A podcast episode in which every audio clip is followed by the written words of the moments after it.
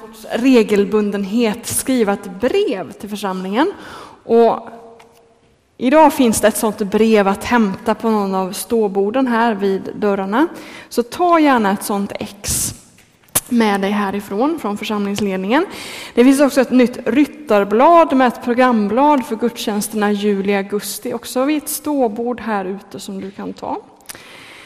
Eh, nästa vecka, så, eller imorgon, så börjar ju Torpkonferensen, en stor sommarkonferens som Evangeliska Frikyrkan anordnar utanför Kumla.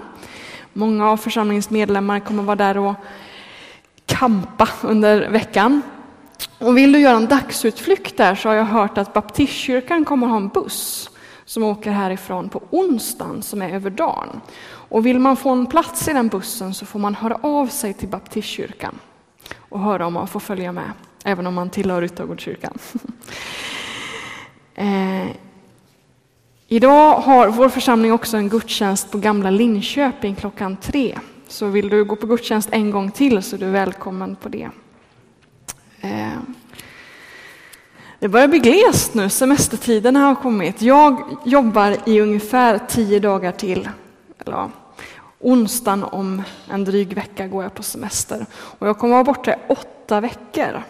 Så vill mig, mig något så det är bäst att passa på nu, för sen dyker jag inte upp förrän när det nästan börjar bli höst.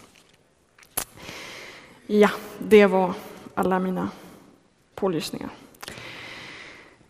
Markus evangeliet börjar så här. Här börjar glädjebudet om Jesus. Och sen berättar Markus om Johannes döparen och hans förkunnelse. Och Johannes döparen sa så här. Efter mig så kommer en som är starkare än jag.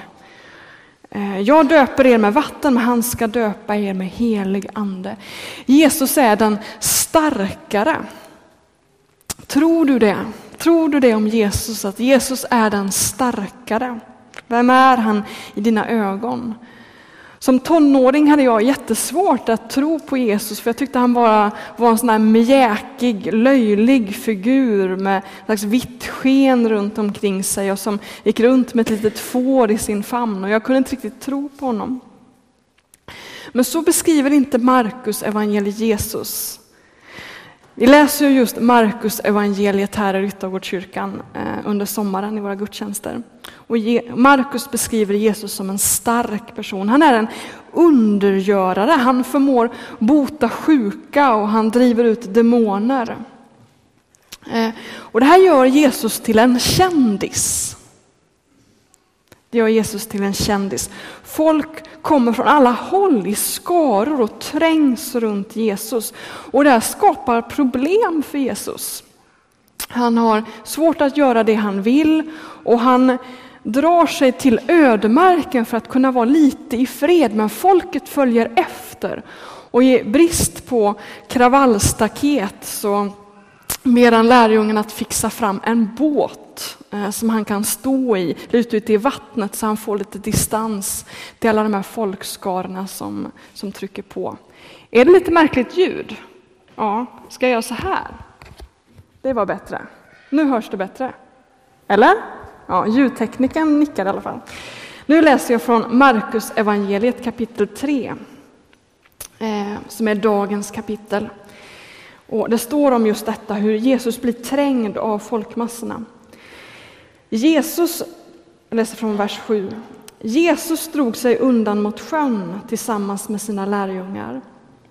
En massa människor från Galileen följde med, men också från Judeen, Jerusalem och Idumeen och från andra sidan Jordan och från trakten kring Tyros och Sidon kom människor i massor till honom när de hörde talas om allt han gjorde. Och han sa åt sina lärjungar att ta en båt till reds så att han slapp bli trängd av folkmassan. Han hade botat många, och nu kom alla som led av någon plåga och trängde sig på honom för att röra vid honom. Och när de orena andarna såg honom föll de ner för honom och ropade Du är Guds son. Men han förbjöd dem strängt att avslöja vem han var. Alltså det som händer är att de orena andarna de, när de får syn på Jesus så tvingas de falla ner inför honom och, och ropa ut du är Guds, Guds son. Och då händer någonting märkligt. Jesus förbjuder dem strängt att avslöja vem han är. Han ber dem att tiga. Och det är lite märkligt, för man skulle kunna säga att Jesus förbjuder evangelisation. Till och med de orenade andarna förkunnar ut, han är Guds son. Och Jesus säger nej, så får ni inte säga. Varför ber Jesus dem hålla tyst? Och det här är inte enda gången, vi kan få upp en lista här, den är väldigt svår att läsa. Eh, men 1.25, där så befaller Jesus demonen att tiga när de bekänner vem han är. I 1.34 så förbjuder han demonerna att tala och berätta om Jesus. Och sen finns det en rad olika berättelser när Jesus faktiskt säger åt personer som har blivit botade av Jesus att hålla tyst. De får inte berätta någonting.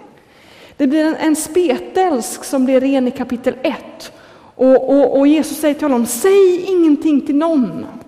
Du får inte berätta det här för någon. Eh, I kapitel 5 så uppstår en flicka från de döda. Och Jesus förbjuder familjen och lärjungen att berätta för någon om vad det är som har hänt. Håll tyst om det här. I kapitel 7 så är det en dövstum som blir botad och Jesus förmanar dem som såg det här och den här som var med om det. Ni får inte säga det här till någon. I kapitel 8 Eh, så är det en blind man som blir botad och Jesus säger till honom att du, får liksom, du måste hålla dig undan, du får, du får gömma dig så att inte det här blir känt. I, i kapitel 8 så, så, berätt, så säger Jesus till lärjungen att ni får inte berätta vem jag är. I kapitel eh, 9 så, så gör han det igen. Ni får inte berätta vad det är som har hänt på, på härlighetens berg. Alltså det här är ju riktigt, riktigt, riktigt märkligt. Det är som att Jesus förbjuder evangelisation. Har ni tänkt på det? Varför vill Jesus vara hemlig? Och det där har bibelläsare genom åren, århundradena grubblat över. Vad är det här? Varför vill Jesus vara så hemlig? I Markus evangeliet så finns det tre typer av människor. Det finns lärjungarna, den innersta kretsen, de som följer Jesus och som Jesus har utvalt. Och så finns det folket. De finns där och runt Jesus och lyssnar på hans undervisning, men egentligen är de inte intresserade. De är intresserade av alla mirakel och helande under. Eh, och så finns det de religiösa ledarna och de är bara arga på Jesus. De kretsar kring Jesus för att kunna se om han gör något fel så de kan anklaga honom för något. Så lärjungarna, folket och de religiösa ledarna. Och I Markus evangeliet finns det två olika typer av texter. Dels är det alla dessa helande under, mirakelberättelser och så är det dispyter med de skriftlärda. Så det är vad, vad Markus evangeliet håller på eh, berättar om. Om hur folket som kretsar kring de här helande underna och de religiösa ledarna som, som bråkar med Jesus. Det är Markus evangeliet i korthet. Och, och, Jesus är kluven till det här med mirakel. Eh, han ser hur plågade människor är av olika sjukdomar och han vill hela dem. Och samtidigt så tycker han inte om den uppmärksamhet som alla dessa helande under skapar. Jag tycker fortfarande att det är konstigt ljud. Ska jag, ska jag ta den här istället? Nej, då fortsätter jag prata som det. Jo, Jesus är kluven till de här mirakel, mira, miraklerna. För att han är kluven till det här kändisskapet. För han tycker att alla dessa folkmassor som tränger på och vill röra vid honom, det hindrar honom från att göra det han verkligen är kallad till att göra. Han säger i kapitel 1 att det han är kallad till att göra, det är att predika om Guds rike. Det är vad han är sänd till att göra. Och I kapitel 3 så väljer han ut tolv lärjungar som får komma Jesus in på livet. Och de får uppdraget att också predika om Guds rike. Och I kapitel 4 så säger han så här till lärjungarna, lite märkligt, vers 11. Till lärjungarna säger han så här. Ni har fått veta Guds rikes hemligheter, men för dessa som står utanför, alltså folket, är allt bara liknelser. Här har vi det här ordet igen, hemligheter. Alltså varför vill Jesus vara hemlig?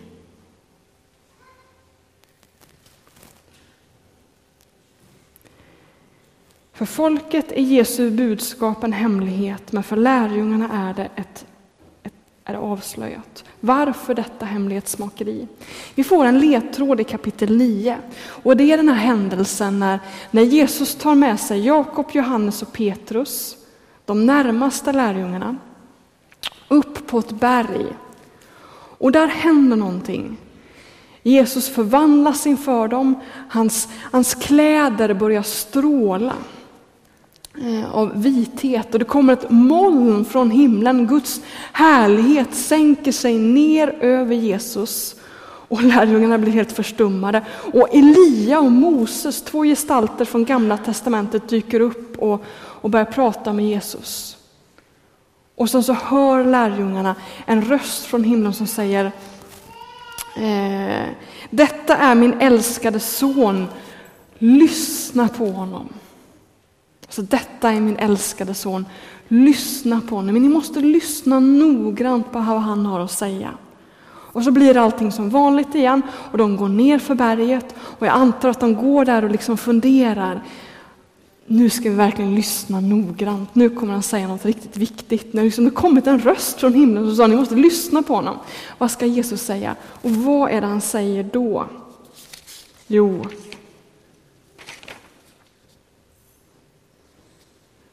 Ni får inte berätta det här för någon. Ni får inte berätta det här för någon. Här har vi det igen. Men här kommer ett tillägg förrän jag uppstått från de döda. Ni får inte berätta någonting förrän jag har uppstått från de döda. Och mycket riktigt, i det sista kapitlet i Markus, när Jesus har uppstått från de döda, så sänder han ut sina lärjungar och säger, nu ska ni förkunna evangeliet för hela skapelsen. Över hela jorden så ska ni berätta om vem jag är. Nu finns det inga hemligheter längre, nu ska budskapet ut. De ska berätta vem Jesus är. Och då är frågan, vem är Jesus egentligen? Vad är det de ska berätta? Jesus, eller Fredrik var ju inne på det här i eh, första predikan om Markus evangeliet. När han berättar om att evangeliet, det är ju berättelsen om Jesus. Det är det vi ska förkunna, om vem Jesus är. Vem är då Jesus? Och då finns det en, ett stycke i, i, i kapitel 3 vi ska titta på. Där kommer de, de skriftlärda, de, de religiösa ledarna och anklagar Jesus för att vara besatt av Belzebul.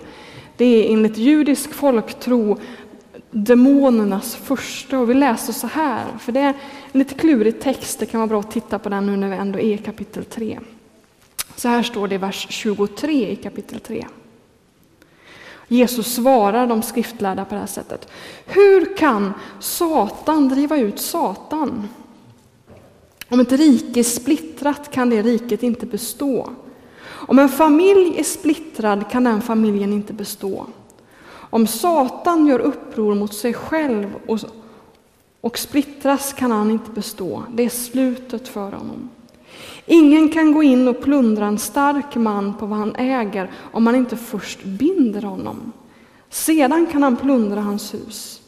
Sannerligen, människorna ska få förlåtelse för allt, för sina synder och för sina hädelser, hur den hädar. Men den som hädar den helige Ande får aldrig någonsin förlåtelse, utan är skyldig till evig synd. Det hade ju sagt att han hade en oren ande. Vad är det Jesus säger här? Jo, han säger så här. Ni ni skriftlärda som anklagar mig för att vara besatt av djävulen, ni har sett att det jag säger, det är sant. Men ändå ser ni inte vem jag är. Vad är det Jesus hade sagt? Jo, hans, hans förkunnelse kan sammanfattas på det här sättet. Guds rike är nära. Guds rike är nära. När är Guds rike fullbordat? Jo, det är ju när alla onda krafter lagts under Guds fötter, när ondskan har utrotats. Och nu säger Jesus, det är nära. Det är riktigt nära.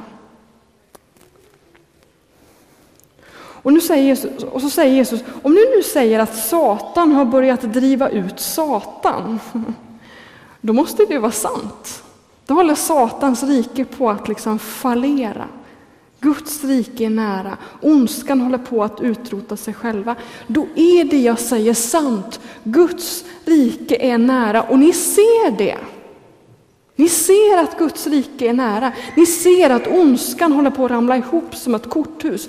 Och ändå erkänner ni inte vem jag är. Ni ser att det jag säger är sant och vad som sker och ändå säger ni så här om mig, att jag är besatt av Satan. Hur kan ni säga någonting sånt?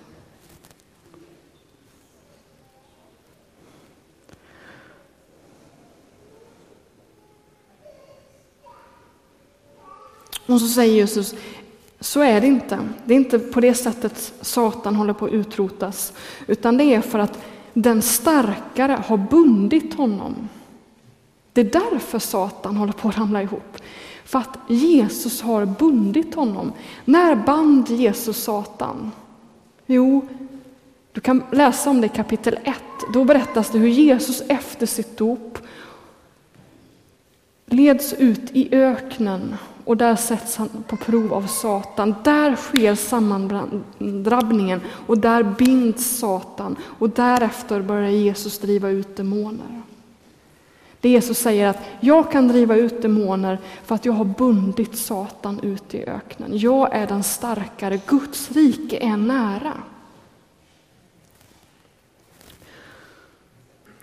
Det är vad den här texten handlar om. Och så kommer ju de här verserna som många har grubblat över genom historien, att den som hädar mot den heliga ande får aldrig förlåtelse. Vad innebär det? Jo, det är ju riktat mot dessa skriftlärda som är så förhärdade. De ser detta, det är mitt framför deras ögon, de ser att Guds rike är nära och ändå säger de så här. De är så förstockade, så fast i att de inte vill erkänna att Jesus är Messias.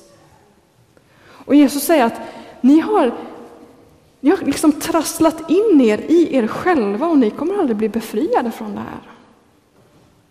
Ni har förblindat er, ni kan inte se vem jag är. Det är vad Jesus säger i de här texterna. Så du som grubblar över, kan det vara så att jag har begått den där oförlåtliga synden? Det har du inte, för du skulle aldrig tänka så. Det Jesus säger att det finns Människor som förhärdar sig så att det inte är möjligt att se vem Jesus är.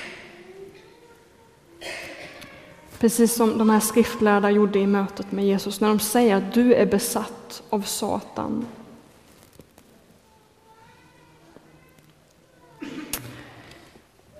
Tillbaka till det här med hemlighetsmakeriet och vem Jesus är och så här.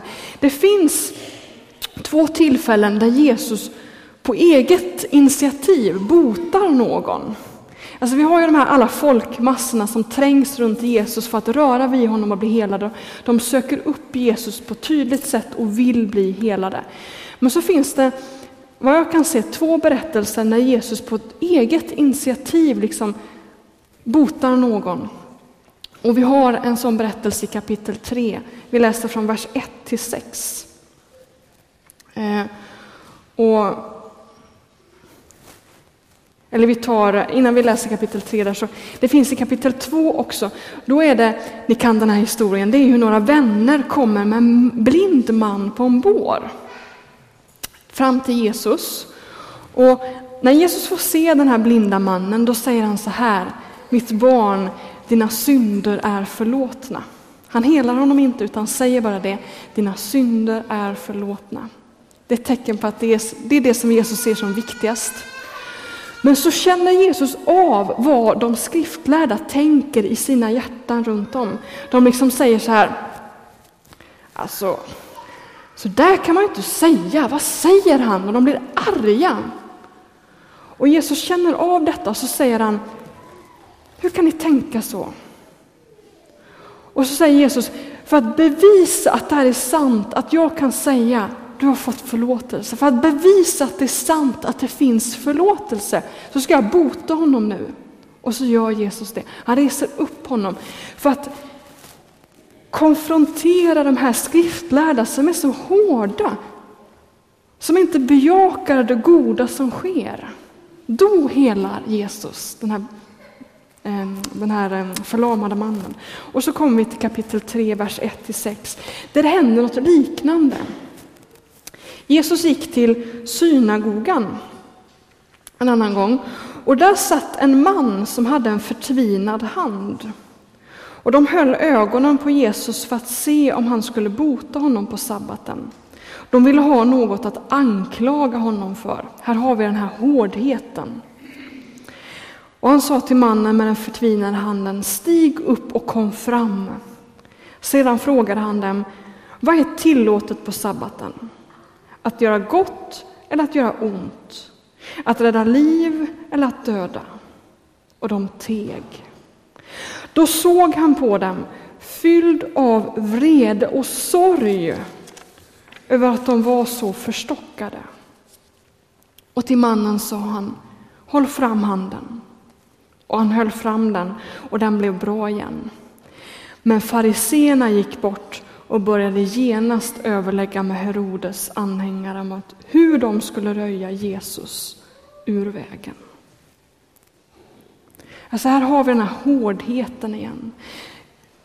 Jesus blir arg över deras hårdhet, deras förstockelse. Hur de vill hindra Guds verk, hur de inte ser till människors bästa, hur de bara sitter där och vill leta fel. Och han blir ledsen över det han hör dem säga och göra. Och så visar han, det är det här som är vägen, vi ska göra gott, jag har kommit för de här sjuka människornas skull. Varför bryr ni om det här? Varför snurrar ni in i de här knepiga sabbatsreglerna? Låt Guds rike komma.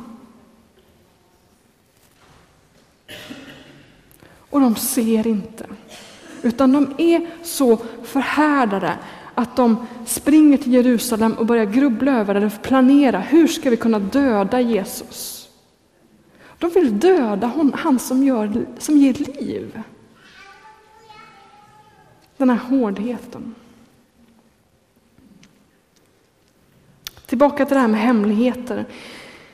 Det finns en händelse som man tycker att Jesus borde ha hållit hemlig. För den är lite generande, den är lite pinsam. Och den finns i kapitel 14. Där sitter Jesus i ett hus eh, och det är strax före påsken, det är två dagar före påsk. Och så kommer en kvinna med en, en flaska med dyrbar parfymerad olja som kostar massvis. Det är en, en riktig skatt det här. Och så häller hon hela parfymflaskan över Jesu huvud. Och det är ju lite pinsamt. Vad gör den här galna kvinnan? Och det blir gräl. Vad är det hon gör för någonting? Och vilket slöseri! Och vad håller hon på med? Och, och då blir Jesus arg och så säger han, varför gör ni henne ledsen? Hon har gjort, gjort någonting fantastiskt. Hon har sörjt för min begravning. Hon har förberett mig för min död. Och så säger han att överallt där evangeliet ska berättas, då ska man berätta om den här kvinnan. Han, han håller upp henne och så säger han, det här är någonting ni verkligen ska berätta över hela jorden. Detta. Varför då? Jo, för att hon är en av de få i Markus evangeliet som ser vem Jesus är. De här andra som blir helade och som ser den här uppståndelsen, de har egentligen inte fattat grejen. Och det är därför Jesus liksom försöker hålla, hålla nere den reklamen. Men så säger han, hon, hon har fattat någonting. Det här kan ni berätta. Hon har fattat Att jag som är den starkare nu ska gå korsets väg och dö för mänskligheten. Hon har sett det. Det har inte ni andra.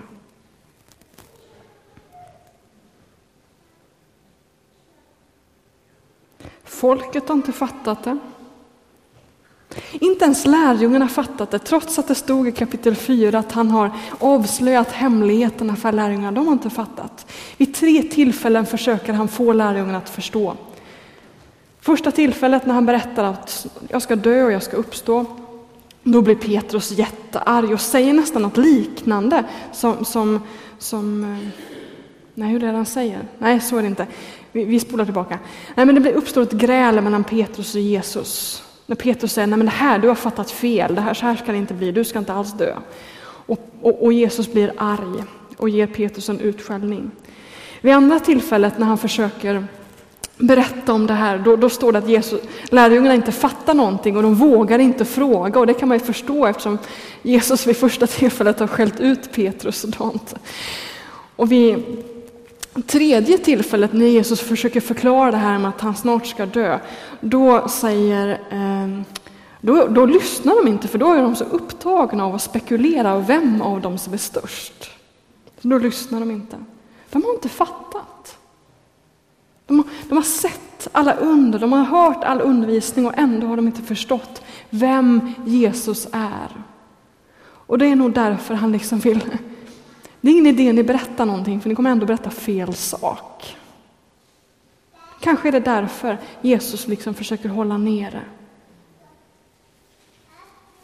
reklamen, ryktet. Men kvinnan med balsamflaskan, hon har förstått vem Jesus är.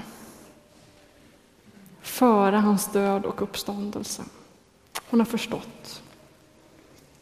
Hon har förstått hemligheten med Guds rike. Att han som är den starkare, han som förmår driva ut demoner, han som botar sjuka, han som bundit Satan, att han ödmjukar sig och bara ger sitt liv i soldaternas händer och dör frivilligt. Att den starke ödmjukar sig och så segrar. Det har hon förstått. Hon har förstått att Satan har förlorat redan. Han är bunden. Därför kan Jesus dö. Och det, det är svårt att förstå, det är svårt att ta till sig. Och jag tror att det måste vi erkänna. Att det är lätt att, att, att, att, att, att uppehålla sig vid det som är periferi undren, miraklen som egentligen bara ska bekräfta vem Jesus är och verkligen se vem han är. Vad Jesu död och uppståndelse betyder för mänskligheten. Det är någonting som Gud måste uppenbara för oss. Och det är någonting som jag ber varje dag. Heliga Ande, avslöja för mig vem Jesus är så att jag kan berätta för världen vem han verkligen är. Låt mig förstå det här mysteriet att Jesus segrar genom döden. Vi måste erkänna att det är klurigt att förstå. För det där liksom Det är så tvärt emot vad vi tänker, att man segrar genom svagheten. Och Det finns så tydligt i Markus evangeliet. Inget evangelium lyfter fram det så tydligt att, att det är så många som inte förstår. Som inte förstår, som inte ser.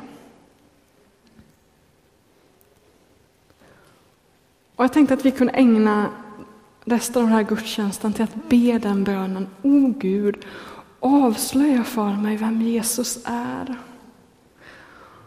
Och vi ska börja den bönestunden med att sjunga en sång som jag tycker om, som heter så här. Men här inför dig böjer jag mig, inför ditt kors böjer jag mig. Jag, jag väljer att, att ställa min kropp framför det här korset som är ett så stort mysterium, som är så märkligt och konstigt och ändå så centralt. Jag böjer mig här inför det. Och så, och, så, och så kommer den här bönen som jag tycker är så fin. Jag vill älska dig av hela mitt hjärta. Alltså det finns en slags bekännelse här att det finns någonting jag inte riktigt förstår, någonting jag inte riktigt kan älska, men jag vill kunna omfamna detta med hela min varelse. Jag vill kunna älska ditt kors. Avslöja för mig hur stort detta är. Så att jag också som kvinnan med balsamflaskan bara kan hälla över all min kärlek. Lägga allt mitt liv på detta. Sök Jesus. Be att han genom sin heliga Ande avslöjar för dig vem han verkligen är. Så att du kan berätta för världen om evangeliet. Sök Jesus där du sitter i din bänk. Fall ner inför korset här på mattan. Be din bön, överlåt dig till detta. Tänd ett ljus i ljusbäraren som ett tecken på din längtan, att ditt hjärta ska börja flamma för den här, det här evangeliet. Eller tänd ett ljus för en vän som du vill ska lära känna Jesus och förstå. Gå till någon av förebedjarna där vid trappan. Be att, att de ber för dig, att du ska förstå evangeliet på ett djupare sätt.